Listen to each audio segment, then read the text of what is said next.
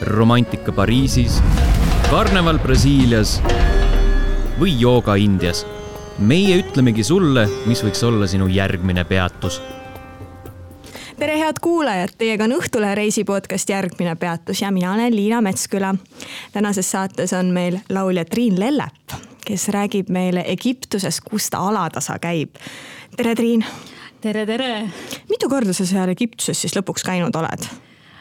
tead, ausalt öeldes ma mõtlesin sellele küsimusele kodus ka, et kas seitse või kaheksa või üheksa või, et ma olen. või kümme. või kümme, kümme ei ole, aga võib-olla mingi seitse, kaheksa, üheksa korda. et äh, ma hakkasin seal käima lihtsalt nii varakult, et mul enam ei ole isegi mälupilte.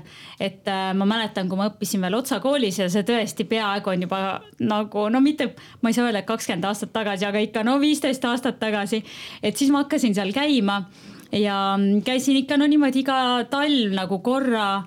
Äh, ja nüüd, nüüd siis vahepeal, kui ma olin Pariisis, ma nagu kuidagi läks Egiptuse vaimustus üle ja nüüd tuli jälle, nii et nüüd ma käin seal jälle päris tihti. aga mis sind selle Egiptuse juures siis tõmbab?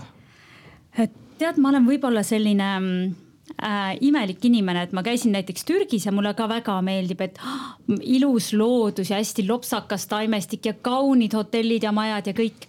Ja siis ma lähen Egiptusesse, vaatan, oo, nii nagu äh, kõik on nii rääbakil, aga see on armas, see on selline ja siis see ajalugu, selline ähm, uskumatud ehitised, et kuhu mulle lihtsalt nagu meeldib seal käia ja näha kõike seda ajalugu, et, et minu arust ei kuskil maailmas ole nii palju nagu seda vana ajalugu säilinud ja see lihtsalt mulle kuidagi, mul oli, mul on tegelikult juba lapsest saati see ajalugu hästi huvi pakkunud. et ma mäletan, ma olin laps ja siis meil kuidagi äh, saime sellise raamatu, mis oli Egiptuse vana ajaloost ja sellised suured pildid olid ja siis ma iga päev seda vaatasin, ma lihtsalt olin nii suur fänn, et oh, kas nad tõesti neid püramiide niimoodi ehitasid ja ma olin absoluutselt totaalselt suur fänn. Ja, ja siis see nagu sealt läks edasi, hakkas kool ja ma olin äh, koolis väga pakkus ajalugu pinget, et tegelikult ma peaaegu ei olegi laulja. et ma peaaegu oleks minust saanud ajaloo, ma ei, ma ei tea, kes ajalooõpetaja või kes iganes, et ma tahtsin isegi ajalugu minna õppima pärast äh, keskkooli, aga noh, õnneks ma seda ei teinud, sest aga ma saan siis aru, et äh, et kui sa lähed, kui sa lähed Egiptusesse, siis sa ei lähe Hurghadasse või Sharmi basseini äärde, vaid sa püüad seda Egiptust avastada. Täpselt, et minu point ongi, et mida ma ütlen kõigile inimestele, et kui te lähete kuhugile, muidugi see võib olla, et see on minu seikluslik hing, kes tahab seda kogeda, aga väga oleneb muidugi inimese tüübist, aga ikkagi minu jaoks on täiesti mõttetu minna sinna kuurortisse ja istuda seal. tegelikult nad on ju teinud need hotellikompleksid niimoodi, et sul on kõik asjad seal. sul on seal isegi kontserdid äh,, meelelahutus, shopping center, spaad, värgid, jõusaalid, sa ei pea mitte kuhugile minema ja mitmed restoranid ja sa istudki seal ühes äh,, ühes hotellis ja arvad, et see on Egiptus aga tegelikult sa näed nagu null koma null null null null null null null null ühte protsenti. et isegi see Hurghada on nagu nii vähe sellest päris Egiptusest. et sellepärast mul ongi nagu hästi põnev alati minna nii palju kui võimalik avastama seda päris Egiptust. et seda, kus need päris kohalikud inimesed elavad, kuidas nad elavad. Ja viimane kord oligi niimoodi, et, et me läksime täiesti nagu omakeskis Kairosse võtsime piletid, võtsime, otsisime hotelli ja läksime esimesse hotelli, saime šoki. Läksime teise, saime šoki, paar pisarat sai valatud, siis mõtlesin, okei okay,, aga selline siis see päris Kairo ongi, et tuleb leppida. Nimelt me võtsime, tegelikult me tahtsime teadlikult olla hästi püramiididele lähedal ja võtsime hotellid, mis on kõige lähemal püramiididele. aga kui sa nüüd nagu loogikaga mõtled, et noh, võtame näiteks Eiffeli torni Pariisis. seal lähedal on kõige fancy mad ja luksuslikumad hotellid. no võib-olla meil ka, et Raekoja platsis, et vanalinnas on nagu uhked hotellid, on ju. aga seal on täpselt vastupidi. et, äh, et ma ei tea muidugi, kas seal, seal kindlasti on koht, kus on ka kenasid öö, öö, noh, mõned, ega ma väga neid ei ole näinud, ma kuulsin, et üks linnaosa pidavat olema täiesti okei okay, Euroopa turistile ka, aga ülejäänud Kairo on ikka nagu selline noh totaalne, minu jaoks totaalne sõjatander. Et kui, et sa vaatad sealt oma katuselt ja vaatad, et issand jumal, et iga teine maja on nagu täiesti lagunenud, katus äh, sisse kukkunud ma mõtlesin ka, et, et mis, mis viga neil sellega on, et miks, miks kõik on nagu, et siin ei ole ju sõda olnud viimased aastad, et milles probleem. ja siis mulle räägiti, et see on sellest, et need majad ehitatakse nii halvasti ja seal on maavärinad ja sellepärast need majad lihtsalt lagunevadki ja kukuvad kokku ja kellelgi ei ole raha, et neid parandada. ja siis elatakse nii või siis jäetakse maha. nii et, et noh, minule see oli ikkagi täielik šokk ja muidugi see, et, et et noh, kõigepealt mul võttis aega, et ma ütlesin, ma, ma olen käinud Egiptuses selle redelist üles. et alguses, kui ma käisin ainult hotellides, siis ma heal juhul Hurgadas või Sharmis julgesin minna tänavale siis vaatasin, oo, juba julgen tänaval kõndida, okei okay,, mitte väga kaugel hotellist ja siis juba hakkasin nagu üksinda tegema suuremaid tuure ja siis juba järgmine kord võtsin ise hotelli ja, ja käisin ise ja, ja käisin tänaval ja käisin seal söömas ja, ja, ja vaatasin, oh, et alguses ei julgenud öösel minna ja pärast julgesin öösel ka ja pärast julgesin juba igal ajal ja, ja kuidagi nagu läks julgemaks, aga kui ma Kairosse läksin, oli ikkagi šokk ausalt öeldes. aga jah, et, et see, et sa päriselt noh, Eesti inimesel on see ettekujutamatu, et sul on tänav, sinu kodutänav ja su maja ees on kahemeetrine prügihunnik. Ja sa viskad sinna oma prügi juurde aga sa ei korista seda ära. Ja siis sa pead juba käima suure ringiga, et ma, et saaks maja uksest sisse. aga sind ei huvita see, et sa ikka teed seda, et vot see oli mulle nagu selline vau wow,, et kuidas see võimalik on aga ma ütlen, et pärast nädalat aega, kui ma nägin juba selliseid allameetriseid prügihunnikuid, siis need juba ei tundunud silmale prügi. Et tundus, oh minu tänav on küll nii uhke, mul siin on ainult sellised prügiasjad nagu igal pool vedelevad, aga otseselt pole hunnikuid. et nagu see kuidagi okay. see muutub see, see pilt silmes ausalt öeldes, et alguses ma tahtsin kõigile teha pilte, kui kohutav, kui kole, kui õudne. Ja siis mõtlesin, okei okay,, ma teen, ma teen hiljem, hiljem. Ja viimasel päeval hakkasin tegema, mõtlesin oota, millest ma siin pilti tahtsin teha, kõik on ju päris okei okay ju. ja siis ma saingi aru, et ahah, et ma olin ära harjunud selle, sellega, mis alguses oli nii imelik ja õudne. noh, loomad, see on siis prügihunnikutes on siis hobused, kes söövad, kaamlid, eeslid, koerad, kassid. Ja see on okei. Okay. ja siis ongi nii, et ära söö plastikut, palun, oi, juba sõid oh.. no midagi teha ka ei saa et see on nagu, see on crazy maailm, aga samas see on nii nagu, ma võiks öelda kuidagi nii autentne või selline, et, et ma ei tea, lähedki ajas tagasi, vaatad, et kunagi ju elati niimoodi arvatavasti, võib-olla ka ei elatud, aga, aga, aga noh, et, et, et see kuidagi on nagu nii noh, sa lähed turule näiteks kasvõi Hurgadas ja ütled, et ma tahaks kana, onju. et, et siis, siis ta võtab sulle selle kana kaelast kinni ja lööb tal pea maha ja siis sa saad aru, et oi, kas ma ikka tahan kana ära tappa ja sa näed, kuidas need loomad seal jooksevad selle turu peal, üritavad põgeneda, haned või kes iganes puuridest lahti. ja sa mõtled, et issand, ma jätan vist täna selle liha söömata, et küll see taimetoit on ka väga hea ja see loom jääb seal turul alles. et kui, kui sa lähed nagu siia steriilsesse meie maailma lähed poodi, võtad selle lihakäntsaka, sa ei saa arugi, et sa ei mõtle sellele. sa ei mõtle mm -hmm. sellele, aga seal see on karjuv reaalsus, sul on see loom, kes teeb kuaak siis mõtled, okei okay,, kas ma tõesti tahan nüüd talle, et lüüakse see kael maha või, pea maha või? no ei taha ju, et äh, see on jah, see on, see on teistsugune maailm.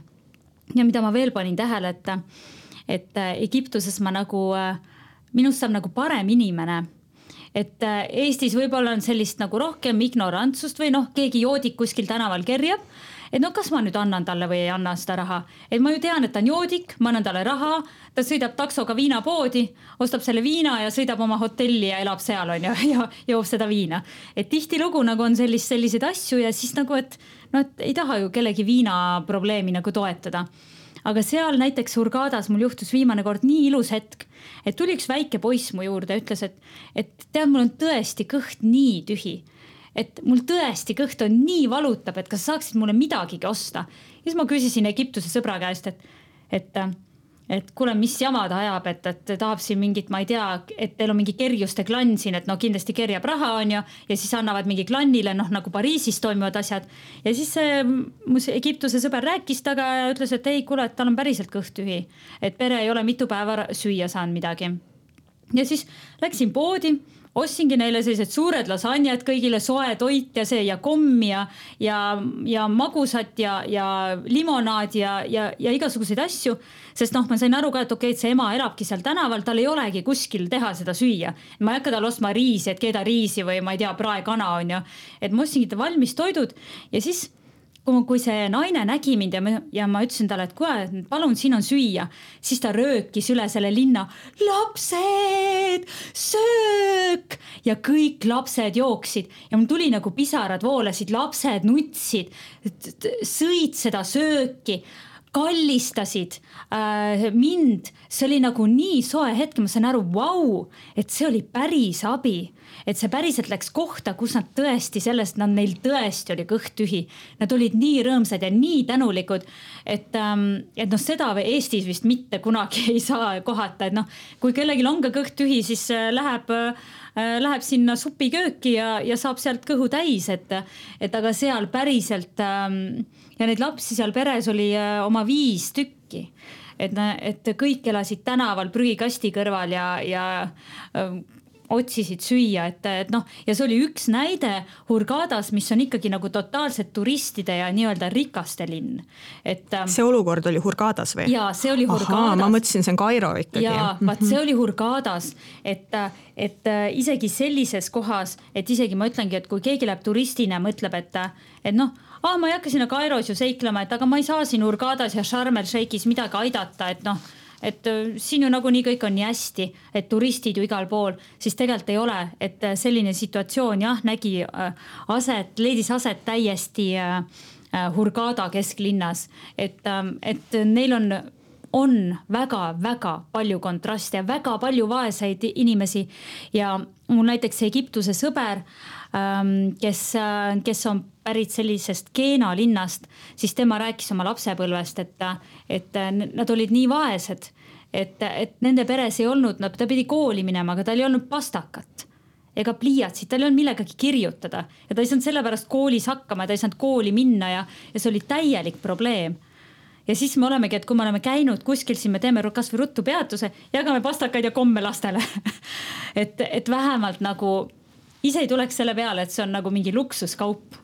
et nagu no tõesti pastapliiatsed, no ei tundu olevat luksuskaup, aga näed, tuleb välja, et on kuskil pool maailma mul on su, su põneva jutu peale tekkinud nii palju küsimusi, millest ilmselt pooled on juba meelest läinud, aga, aga kuskilt ma alustan seda küsimist. mind ikkagi jäi painama seesama see eh, pereema seal tänaval, et äh, teised välismaalased siis seal Hurgadas ei anna teile noh, ei, ei aita niimoodi nagu sina, et tegelikult Hurgadas on ju väga palju välismaalasi. Mulle tundubki ja sellepärast ma nagu räägingi, et et äh, ma olen rääkinud hästi palju kohalikega, et noh, näiteks Pariisis on selline noh, ongi nagu klann on ju. et kerjused käivad, kõik kerjavad, andke mu lapsele süüa seal metroos ja siis sellest äh, kümme protsenti jätavad endale, teised peavad mingi äh, mafioosinikule maksma. aga Hurgadas on päris sellist asja ei ole ja kerjused, kes päriselt seal tänaval elavad, neil ongi raske, neil ongi kõht tühi, aga, aga võib-olla need turistid nagu ei oska sellega nagu kuidagi, et noh seal on üks asi veel see ka, et mis on nagu keeruline, et Egiptuses igaüks tahab sinult midagi et sa pead lihtsalt siis aru saama, et ongi, et tuleb üks, palun äh, kuule, et, et äh, osta mul see, et üks euro, one euro, one euro, see mingi püramiidi kujuke. aga siis tuleb sul üks laps ja küsib süüa ja sa, sa pead kogu aeg nagu vahet tegema, et oi, et tema on nüüd päris ja tema, see ei ole päris, on ju. et see üritab lihtsalt müüa midagi ja kuidagi sul, ma ei tea äh,, raha välja pressida ja tema on päriselt hädas. et sellepärast võib-olla mul oli ka selline tunne varasemalt, et, et ah ei, mis need on ei, no ma ei taha, ei taha üldse tegeleda nende tänavainimestega, kelle käest kogu aeg, kõik on ju kogu aeg sul jalus, on ju. aga, aga tegelikult äh, meie turistidena saame neid aidata, tõesti saame väga palju, et kui inimesed aitaks, lisaks veel äh, loomad. et äh, mida mina olen, tegin absoluutselt, teen nüüd alati, kui ma kuskil midagi söön ja mul midagigi järele jääb, kasvõi leiba, siis ma võtan selle ja viin tänavaloomadele ja uskuge mind, nad söövad selle ära ja nad on väga tänulikud. et ähm, eriti muidugi, kui saab veel natuke lihakest sinna kõrvale või midagi paremat kraami, aga nad söövad kõik ära, et see läheb kõik söögiks et, ähm, et selles suhtes äh, see on nii lihtne, et kasvõi hotellis seal sööd ja, ja seal on sellised toidujäägid, et võtad kaasa ja viid tänavale ja loomad on õnnelikud ja või võtad sealt paar õuna äh,, banaani, mingi mida iganes ja viid tänava lastele. Nad on nii õnnelikud ja tänulikud selle eest. mis loomadest me räägime äh,? seal on hästi palju koeri ja on ka kasse muidugi need on võib-olla isegi võrdselt, aga, aga, aga noh, koerad on nagu sellised suured ja need kohe jäävad silma, et magavad seal tänava peal igal pool ja, ja siis on kutsikad ja oi, neid on, neid on väga-väga palju. muidugi see asi on muutunud paremaks, et ähm, mingi aeg tagasi nendest üritati isegi nagu valitsuse tasandil nagu lahti saada, siis nüüd tehakse seda väga targalt, nad kastreeritakse ära et vähemalt ei tuleks neid tohutuid miljoneid kutsikaid peale. et siis, siis saab nendega kuidagigi hakkama kastreeritakse kasse ka või on ainult koertega, tead sa seda äh,? kassid minu, minu lemmikloomad, ma kassid, alati muretsen nende pärast igal pool äh,. minu arust, nii palju kui mina tean, siis noh, nendes kohtades, kus neid kastreeritakse, kastreeritakse kõiki loomi. aga see muidugi ei ole äh,, ma räägin nüüd, et tõesti, me räägime siin võib-olla Hurghadast või kuskil. näiteks kui sa lähed püramiidide juurde, seal on ka loomad, seal elavad koerad ja kassid on ju. et nende eest jah äh,, valitsus teeb seda, et muidu turistid võib-olla upuksid sinna tohutusse loomakarja aga, aga muidugi ma arvan, et see ei ole veel jõudnud sellele tasemele, et sa lähed väikesesse külakesse ja seal keegi sellist asja teeb. et pigem ei. no siin tegelikult on ju see teema, et, et kõigepealt on vaja inimestele inimväärne elu anda ja siis ja. tegeletakse loomadega ja ma saan aru, et Egiptuses ikkagi see eluolu on päris kehv ja on, et ma olen ka kohalikega hästi palju sellel teemal rääkinud ja poliitikast ja nii edasi, et, et kõik see, kui palju turiste sinna tuleb ja kui tegelikult ikkagi nende mõttes, kui kallis see on et kui sa, kui sa mõtled, et tavaline Egiptuse kodanik ei saa eales elus sul veeta ühte nädalat hotellis, sest need hinnad on absurdsed neile, kes nad teenivad sada viiskümmend euri või sada euri kuus. Ja, ja siis sa mõtled, et kuhu see raha kõik läheb, et ähm, kohalikud räägivad, et see raha seisab kõik Šveitsi pankades. Et äh, Šveitsi pangad on täis Egiptuse ärimeeste ja juhtide rahasid. Aga lihtsalt kohalikud elavad näljas. Ja see ongi nagu hästi äh, nagu ebaaus ja see, mida nagu on tõesti hästi palju seal näha.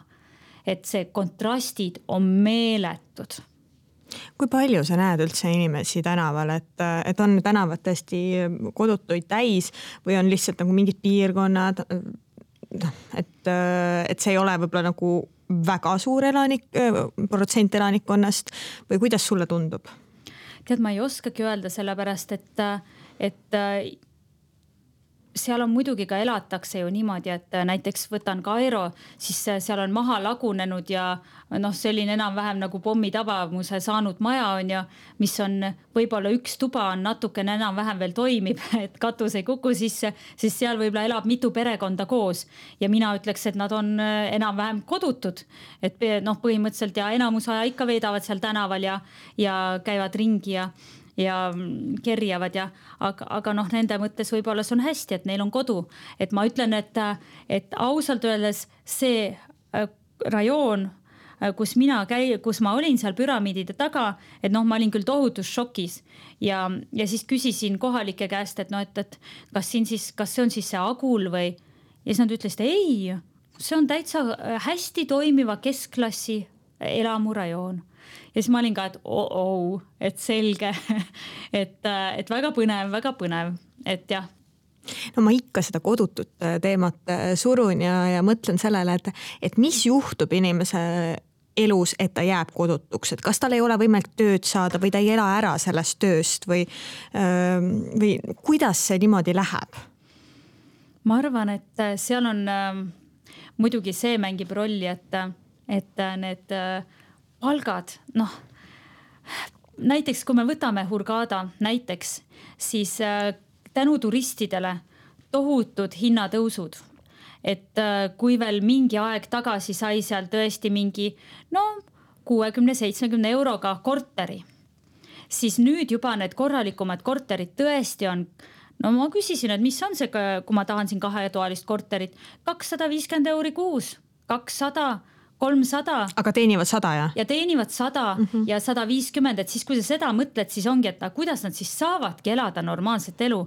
et nad peavad siis tegema niimoodi, et kõik teenivad see saja viiekümne peal ja siis, ja siis kolivad kokku või siis oledki tänaval, sest sa ei saa oma palga eest korterit lubada, võib-olla selle eest saab jah, mingi, mingi sellise kehvema korteri on ju, aga need hinnad ja need palgad ei ole üldse tasakaalus.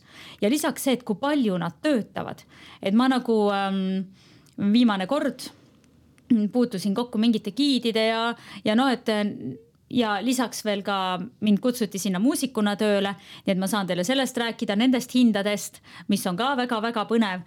et äh, nad töötavad seitse, äh, seitsmest päevast nädalast kuus päeva ja neil ei ole kaheksa tunni reeglit. Nad töötavad kaksteist tundi, neliteist tundi, nii palju kui läheb. Ja ometi nad saavad nagu täiesti sellist äh, hotelli, hotellitöölised, kes saavad isegi mingi, mingisuguse elukoha, siis tähendab mingisuguse toa kuskil on ju, ühistoa. Nad saavad seitsekümmend viis euri kuus.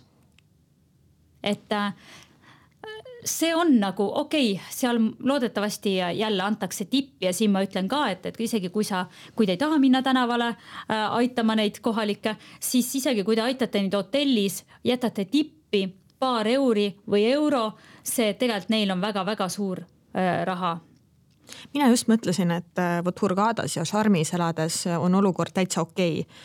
aga sinu jutust äh, tuleb välja, et ka seal on täitsa jamasti. no no kui sa võrdled Eestiga, siis kindlasti jah. et, äh, et äh, noh, eks nad seal kohalikud tahavad siis äh, neil kohalikel meestel on selline põhi, põhiunistus siis elus on saada endale Euroopa naine.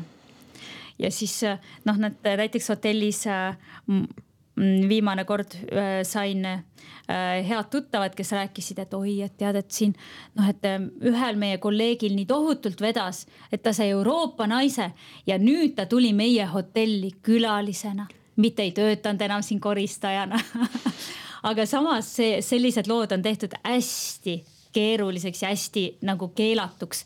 et kui kuidagi ähm, keegi turist avaldab kunagi mingi info, et äh, keegi töötaja on temaga flirtinud või midagi või jaganud numbrit või midagi, siis nad saavad koheselt kinga. et ähm,, et see on hästi karmid äh, seadused seal selle vastu. miks siis huvitav?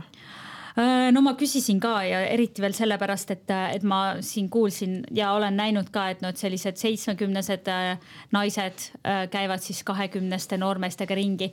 et see on ikkagi islamimaa ja seksturism ja kõik sellised asjad on seal totaalselt keelatud. ometi see täiesti juhtub seal kogu aeg mm -hmm,. okei okay., no enne kui ma unustan, räägi sellest muusiku, äh, muusikuna tööle kutsumisest, no mis sulle seal pakuti siis? ja no vot, ma tegin seal ühe kontserdi ja seal juhtus olema kohal äh, üks äh, Briti muusik, kes tegeleb siis äh, seal äh,, töötabki seal ja on nagu mänedžer ja tema pakkus mulle tööd ja kusjuures see, kui te nüüd olete mu juttu kuulnud, siis see on üllatavalt hea pakkumine. ta pakkus mulle, et teen nii palju kontserte, kui tahan. ja kontserdi, ühe kontserdi hind on kakssada eurot. mis tegelikult vaadates, et nende kuupalk on sada viiskümmend, on päris hästi ju. kõlab küll jah. jah, et saaks isegi päris rikkaks seal, aga noh äh,, ikkagi ma arvan, et äh, see mind nagu sinna Egiptusesse elama ei, ei kutsunud. ja siis äh,, aga mul oli väga huvitav, et ma sain ka teise kutse äh,. seal on äh, üks äh, Hurgadas tegutseb selline äh, üks Egiptuse ja üldse öeldakse, et Lähis-Ida selline, Egiptus on selline Lähis-Ida selline nagu ähm, eeskuju, et sealt tulevad muusikalised trendid ja sealt tulevad kõik, et nemad on nagu kõige arenenumad selles.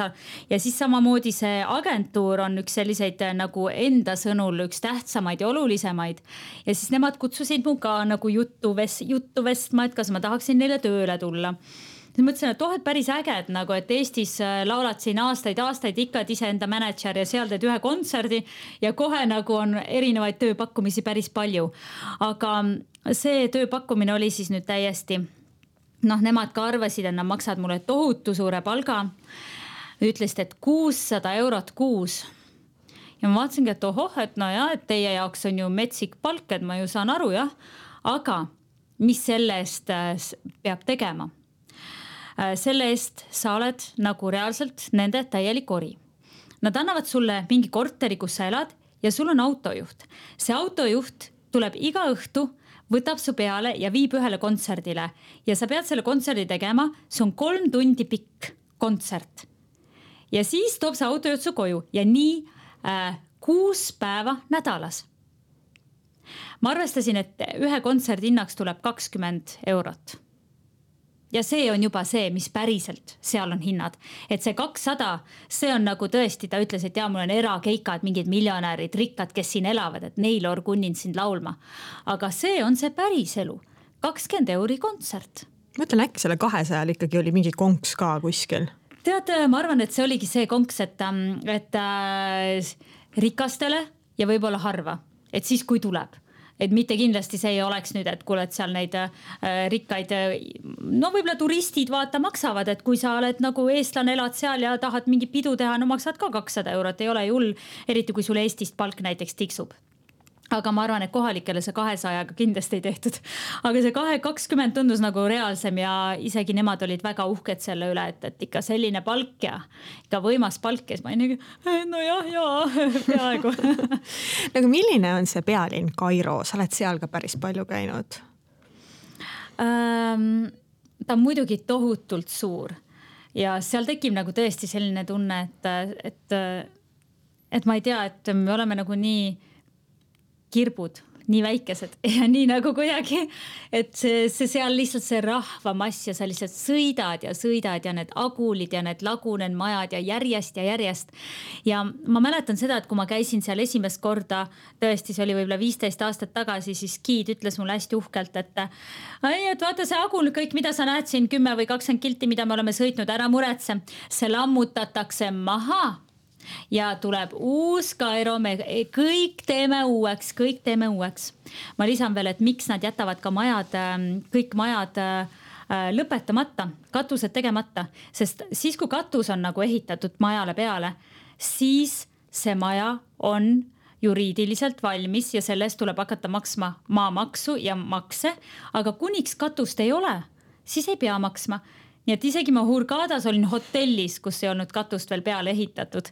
et, äh, et sellega nad nagu säästavad vist päris korralikult raha ähm, veel üks asi, millest ma kindlasti tahaks rääkida Hurgadas, mis on hästi põnev, on see, et sa sõidad mööda seda linna, vaatad, vau, et, et äh, pooleliolev hotell, valmis hotell, poolik, poolik, valmis, poolik, poolik, poolik, poolik, valmis.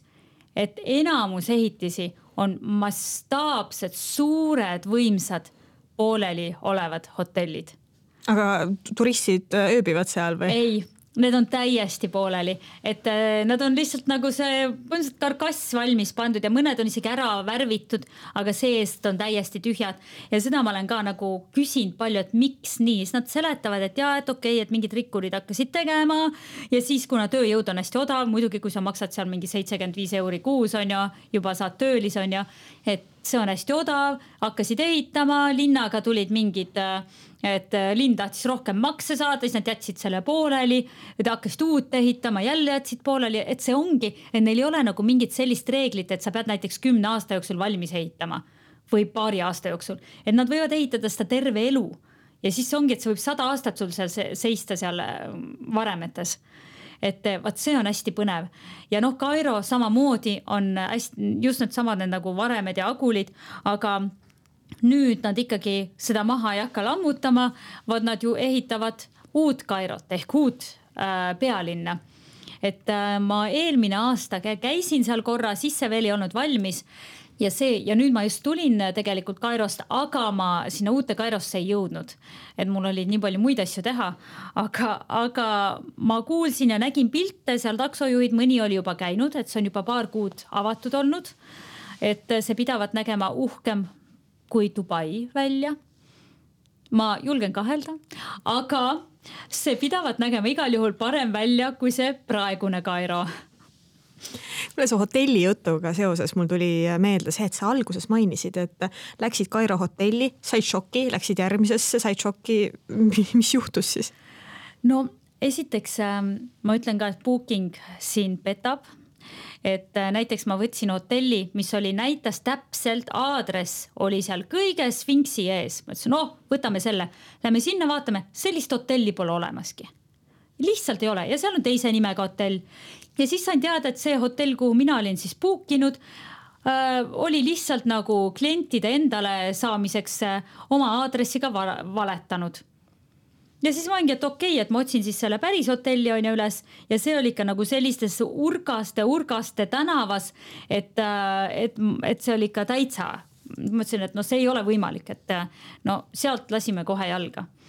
ja noh, teised sõbrad jäid, äh, olid ka ikka ühes hotellis, kus nad, hotell oli iseenesest a la mingi noh, Egiptuse mõttes võib-olla viis-neli tärni, aga, aga sinna läks reaalselt läbi hobuste mingi, see on mingi kitsas tänav, kus olid hobused, sõid prügi ja siis sa pidid seal nendest hobustest mööda minema ja nagu see oli täielik tunne, et sa lähed nagu äh, talli, et seal ei ole rohkem maju, seal ei saa midagi, keegi veel elada. ja siis sa lähed vaatad, oi, mingi luksuslik hotell, kuidas selline asi saab olla?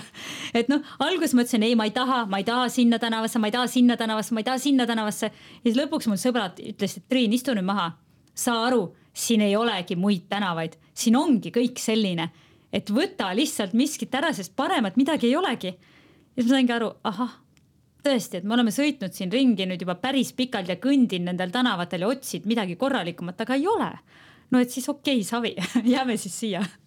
kui keegi nüüd hakkab äh, book ima seal äh, Kairos hotelli, kuidas ta siis saab aru, mis on, mis on selline äh, enam-vähem normaalne, talutav äh, siis äh, peene lääne-eurooplase tähendab eurooplase jaoks, mitte lääne-eurooplane väga lääne-eurooplase jaoks, eks ju.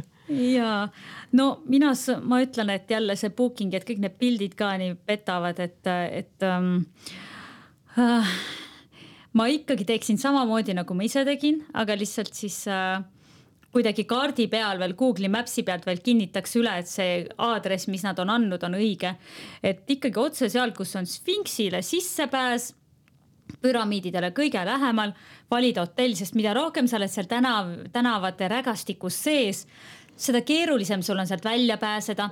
Äh, üldse, et nagu noh et hingata vabalt, sest kui sa oled seal väikestes rägastikes, siis sa, sa iial ei tea, seal, seal on kogu aeg inimesed, kes sulle kinni haagivad su külge. et ähm, kas siis lapsed, kas siis vanamemmed, kas siis müüjad, mitte keegi ei lase nagu turisti lihtsalt kõndida rahulikult.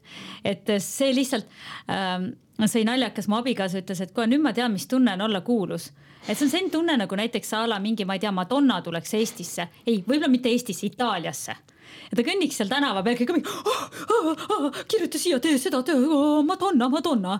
et äh, meil oli selline tunne samamoodi, mingi oh, turist, turist, turist, kuule oh, oh, oh, tule siia, tee seda. Oh,, kas ma võin sinuga pilti teha, kas ma võin sind puudutada ja, ja nii edasi ja nii edasi ja nii edasi. et, ähm, et mida lähemal sa ikkagi oled, vaata, noh, seal mõned hotellid ikka olid seal otse ka seal ääres, et, et kohe on tee ja teisel pool on hotellid, et vali need hotellid, mis on võimalikult lähedal ja kontrolli Google'ist Maps'i pealt üles, et ikkagi oleks oleks see aadress ikkagi õige. et, et ei läheks nii nagu meil, ma võin hoiatada selle hotelli ees, see oli Sphinx Comfort Inn ärge sinna kunagi minge, sest nad valetavad oma aadressi ka. üks äh, mõnus antireklaam siia. antireklaam ja siis on hetk, et teha ka nagu positiivset reklaami, et kui te tahate, mina olen kasutanud nagu reisihunti, see lihtsalt nende pakkumised on megad viimasel hetkel ja nad oskavad äh, väga hästi leida igasuguseid äh, fancy sid, ägedaid diile. nii et, et ärge minge Sphinx Inni ja kasutage reisihunti, need on minu reisisoovitused seoses sellega, et ehm, kohalikud tahavad igasuguseid asju turistidelt nad ei pruugi alati raha tahta, nad võivad ka reaalselt tahta pilti või katsuda. ja, ja vot sellest ma ei saanudki aru, et ma alguses ikka olin nagu sõbralik, ütlesin, et kuule, kas pilti võib teha? no jaa, okei okay,, teeme siis. ja siis mulle Egiptuse tuttav ütles, et ära tee iial nendega pilti, sa ei tea, mis sellest pildist saab. siis ütlesin, no ja mis siis saab saada. ja ma kujutan ette, et nagu heal juhul nad panevad kuskil nagu sotsiaalmeediasse, et mina ja turist on ju aga, aga nemad mõtlevad kohe, et nad äh, võtavad su näo ja teevad selle passi sellega ja ID-kaardi või mis iganes, võltsivad dokumente su näoga. et noh, ma ei tea, päris seda ei usu, et iga tänavapoiss nüüd seda teeb. aga ma seda panin küll tähele, et eriti kasvõi hotellis või kus, kui sa kuskil kellegiga natukene sõbralikum oled siis nad kutsuvad su nurga taha, ütlevad, et kas ma võiksin ühe pildi sinuga teha see on nagu nii kummaline lihtsalt mingi, kuidas ma nüüd viisakalt ära ütlen kuidas, millised on üldse nipid ja trikid, et näha seda päris Egiptust, et sa ei jääkski ainult sinna äh, sellesse Hurghada või Sharmi kompleksi? Kinni. mina võtaksin äh, lennud, läheksin äh, või siis teeksin tõesti nii, äkki see on liiga šokeeriv, võtaksin paketireisi mingisuguse hea soodsa ja sõidaksin Kairosse. ja oleksin paar päeva seal Kairos, sest tegelikult see tuleb ma ütlen teile ausalt, kui te tahate minu soovitust kuulda, see tuleb kõige soodsam. praegu ma vaatasin, on mingeid selliseid paketikaid, et kolmsada euri, nädal aega äh,, hotell, söök sees, pluss lennud. mina maksin ühe lennu eest Kairosse kakssada seitsekümmend viis euri, üks lend ehk põhimõtteliselt te saate tohutult palju soodsamalt, et teil on seal kõik olemas, sealt te võtate juba edasi tripi Kairosse ja ma soovitan Kairos tõesti jääda kaks ööd või üks öö vähemalt. sest mis on ka veel kõige erilisem, et turistibussid tavaliselt jõuavad sinna, ma ei tea, kella, kell üheksa hommikul on ju, suured turismimassid, aga koht avatakse kell seitse. kui sina lähed kell seitse püramiididesse, sa oled üksinda. kujutate seda siis ette? isegi müüjaid veel ei ole sest turistid jõuavad hiljem ja sa oledki üksinda ja kõnnid seal ringi. sa oled Sfinksi juures üksinda, sa võid minna ähm, näiteks äh, võimsaid sarkofaage Serapeumis vaatamas Sakaras. sa oled üksinda, seal ei ole tohutuid nagu horde ja see on nii eriline, see on väärt seda, et jääda sinna ööseks ja näha neid asju nagu mitte selles suures nagu massis. lisaks sellele hommikul kell seitse me tegime kõiki asju hommikul kell seitse, sest see on suurepärane aeg, pole veel nii palav et äh, muidu, kui see päeval kell kaksteist ja kell kolm, sa lihtsalt lähed korra sisse, sa oled nii, nii palav varju ole, lähen minema, okei okay,, väga tore. aga siis hommikul kell seitse sa saad nautida, tunnetada lisaks me saime teada, et et noh, meile väga meeldis, me käisime sellise grupiga, et meile mõtlesime, et oh, tahaks tunnetada ja mediteerida nii võimsad püramiidid ja asjad ja kõik, et, et uskumatu energia. ja siis ma sain teada, et, et kui sa maksad kaks tuhat viissada eurot riigile ehk siis äh, Egiptuse riigile, siis sa saad eriloa ja sind viiakse selle raha eest igale poole varjatud püramiidi kambritesse, sa oled üksi seal, lähed Sfinksi juurde, saad olla seal täiesti üksi, ennem kui turistid jõuavad. ja, ja just need kambritesse kõik, kõik sind viiakse. aga jah, see on kaks tuhat viissada eurot, mõtlesin, peab natuke koguma, et seda nagu ette võtta. aga et sellised võimalused lausa on, et Egiptuse riik teab, kuidas raha teha et aga muidugi ma ütlen, et me käisime noh, seal on vaja sul kõik need passikoopiad ja ta peab kaua aega otsustama, et, et vaatame, et ega sa ikkagi mingi ohtlik terrorist ei ole ja siis saad selle loa ja siis saad minna. et see päris nii ei ole, et kohe maksad sealt mustalt, nagu tavaliselt Egiptuses on. igal juhul, Triin, väga põnev vestlus, ma tänan sind selle eest ma tänan, et kutsusid, kas tõesti sai aeg läbi, ma tundsin just, et ma alustasin. nii crazy on ju. ja, aga mm, ma arvan, et sellest võiks vist tundide kaupa rääkida, aga võib-olla jätame järgmiseks korraks. jätame järgmiseks korraks ka midagi põnevat, igal juhul minu soovitus, minge sinna päris elu avastamas, see lihtsalt on nii põnev ja, ja ma veel ütlen seda, et kõik, mida ma nagu rääkisin, et kuidas see kõik välja näeb ja see siiski ei olnud mitte kordagi, ma ei tundnud, et ma olen ohus. et see ei ole ohtlik, et see ei ole nagu nii see, et sa lähed kuskil mingisse getosse, kus ma ei tea, mingi noad välguvad, on ju nurga taga. et sellist asja ei ole, et pigem see, et sa võib-olla tunned, et sa oled natuke häiritud tähelepanust, aga see ei ole ohtlik. et selles suhtes ähm, jah, inimesed, minge avastage seda maailma, see on nii põnev, see on nii teistmoodi äh,. makske natuke tippi, saage sisse minna sarkofaagidesse ja tunnetage ja vaadake, kui põnev see maailm on tegelikult kunagi olnud. aitäh sulle, Triin. aitäh, aitäh. ja järgmine peatus on eetris juba kahe nädala pärast kuula meid üle nädalati kolmapäeval Õhtulehest, Spotify'st, SoundCloud'ist või iTunes'ist ja ära unusta meie podcast'i tellida